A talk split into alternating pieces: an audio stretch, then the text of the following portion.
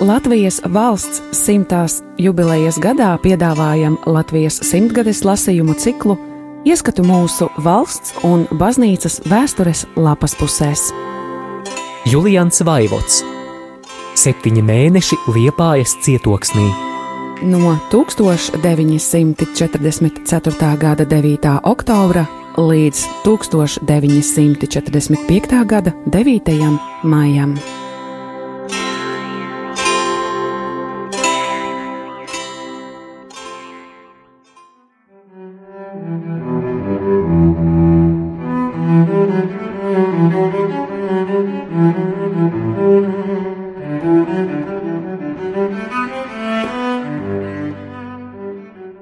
1945. gada 16. aprīlī. Šodien radiofonā iesāka raidījumu lauksaimniekiem. Ģenerāls sekretārs agronoms Andersona kungs runāja par pavasara darbiem lauksaimniecībā un sevišķi uzsvēra pienākumu, neskatoties uz pašreizējām grūtībām, izmantot katru zemes gabaliņu un apsēt visus laukus. Kā redzams, pastāv bažas, vai pietiks sēklas, un tāpēc uzaicināja lauksaimniekus ne tikai katram taupīt sēklu, bet nākt palīgā tiem, kam sēklas nav vai pietrūkst visu lauku apsēšanai. Vārdi saimnieks saimniekam palīgā lika katram klausītājam atcerēties tos laikus un apstākļus, kad viņus tik bieži atkārtoja kādreizējais mūsu valsts prezidents cik tālu mēs tagad no tiem atrodamies. Tad kūtis bija pilnas ar lopiem un apcirkņi ar barību. Šodien vairākumam saimnieku palikusi tikai viena gotiņa. Ir pagasti, kuros lauksaimniekiem savā laikā likts nodot arī sēklas labību, apsolot to vēlāk piesūtīt no Vācijas. Pie pašreizējiem apstākļiem par to vairs nevar būt nerunas. Esot gan karaspēka vadība apsolījusi no saviem krājumiem lauksaimniekus atbalstīt ar sēklu, bet uz lielu atbalstu laikam grūti cerēt, jo karaspēkam pēdējā laikā jau tā maizes deva samazināta. Stāsta, ka uz laukiem tālāk no frontes novietotie karavīri jau tagad ejot pie saimniekiem meklēt darbu, lai dabūtu uzturu. Viņi strādājot puišu darbu kā mājās, tā arī uz lauka, tāpēc daudzi saimnieki savus vīriešu kārtas strādniekus atlaiduši, un citi nemaz tos šogad nav līguši. Vispār tautas uztura jautājums bagātajā kurzemē sākt palikt akūts. Šodien biju slimnīcā pie kāda slimnieka un vēlāk ierunājos ar pārējiem slimniekiem tanī pašā istabā. Visi vienā balsī pateica, ka uzturs esot pilnīgi nepietiekošs. Iebraukušie no laukiem, piemēram, stāstīja, ka vakar pa vienu aizputes apriņķa pagastu braukājis apriņķa slimnīcas saimniecības vadītājs ar saviem ļaudīm smagā mašīnā, meklējot pa mājām kartupeļus un citus produktus slimnīcas vajadzībām, veduši līdzi drēbju gabalus un pat tabaku. Vai un cik produktu viņi sazvejoja, grūti pateikt, bet pats par sevi šis fakts jau runā skaidru valodu, ka grūtības ir lielas un ka par naudu vispār tagad nekas nav dabūjams.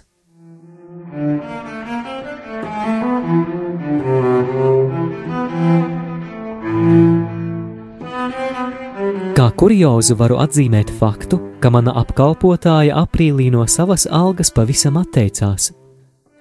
Arī algu viņai maksāja kā kādam direktoram - 500 marku, bet tās viņa nolika atpakaļ uz mana galda, teikdama, ko viņa ar tām darīšot, jo agrāk saņemtās nevarot izlietot. Tā kādas trīs dienas markas nogulēja uz galda un beigās vajadzēja pašam tās pievākt. Patiesībā pārestība apkalpotājai nekāda nenotiek, uzturs viņai gatavs un darba ir pietiekoši, Ko vairs šīs laikos cilvēks drīkst prasīt? Drēbes tā kā tā par naudu nevar dabūt pirkt, un apavus vēl jo mazāk. Tagad naudas skaitīšana mācītājam visgrūtākais darbs, jo viņai nav nekāda praktiska mērķa. Agrāk ar upura naudu vismaz trūcīgajiem varēja izdarīt prieku. Tagad sīk naudu nemaz nevar rādīt, visi no tās kratās nost, bet trūcīgie vispār naudu vairs negrib ņemt. Vēl nesen apmeklējot kādu slimnieci, piedāvāja naudu, bet viņa atklāti pateica, ka produktus ar pateicību pieņems, bet naudu gan ne. Vienīgā reize, kad no dažiem simtiem marku var tikt vaļā, ir nāves gadījumi, jo zārks tagad maksā lielu naudu, un ne katram trūcīgajam pa spēkam par to samaksāt. Tāpēc tādās reizēs nāk pie mācītāja.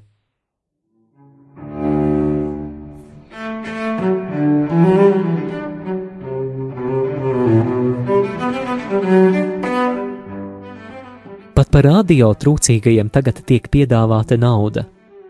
Tā piemēram, vairākas dienas no vietas Krievu ziņās pulksten septiņos vakarā tika sludināts, ka Krievu palīdzības komitejai izdalīšanā paredzētas lielākas naudas summas, tāpēc ieinteresētie to varot saņemt tur un tur, griezties mutiski vai rakstiski. Cik gribētāju ir atsaucies, nezinu, bet daudz nevar būt, ja nauda tiek piedāvāta vairākas dienas no vietas.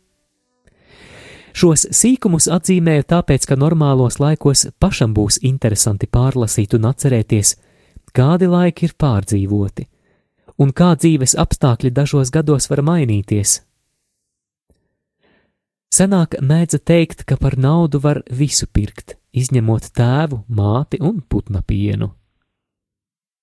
Šodien nekas nav tik nepareizs kā šis apgalvojums. Tūkstoš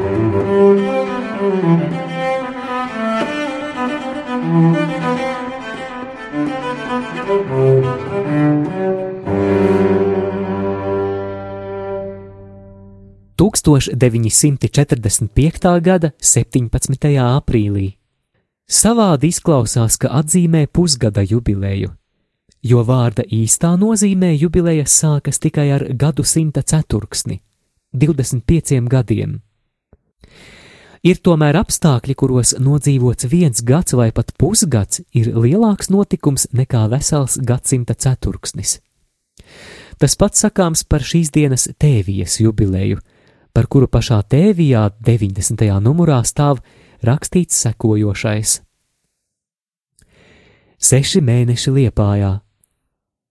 Tās bija drūmas dienas, kad pirms sešiem mēnešiem, 17. oktobrī, liepājā sāka iznākt tēvija.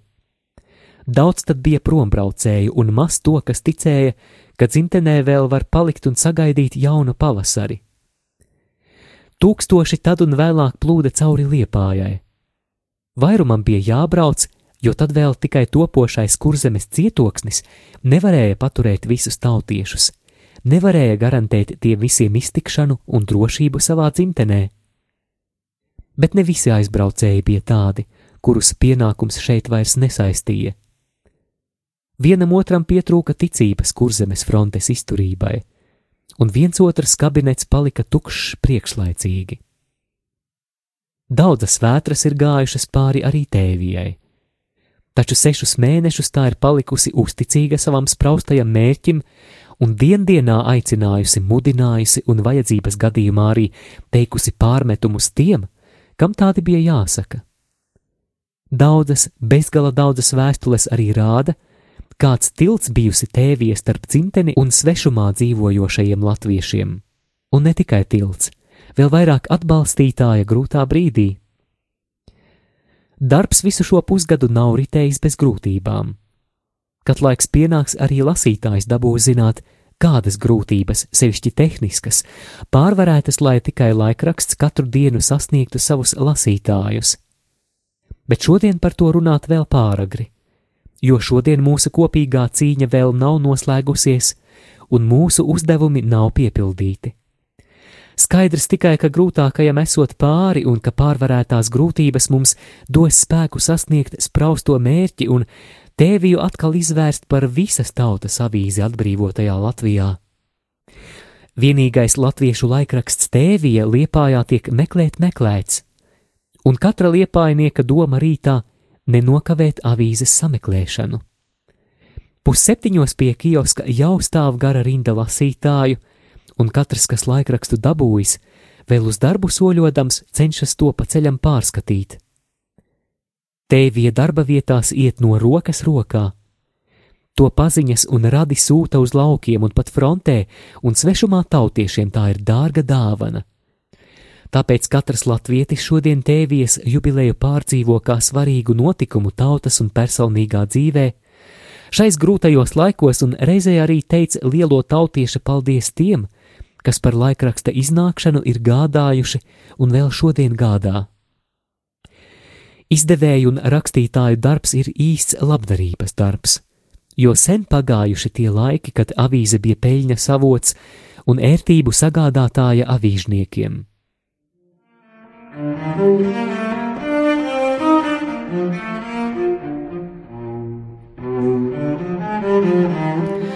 Summas grācijas, lielākā pateicība izdevējiem un līdzstrādniekiem un plurimos annus daudz gadu pašam laikrakstam arī no manis.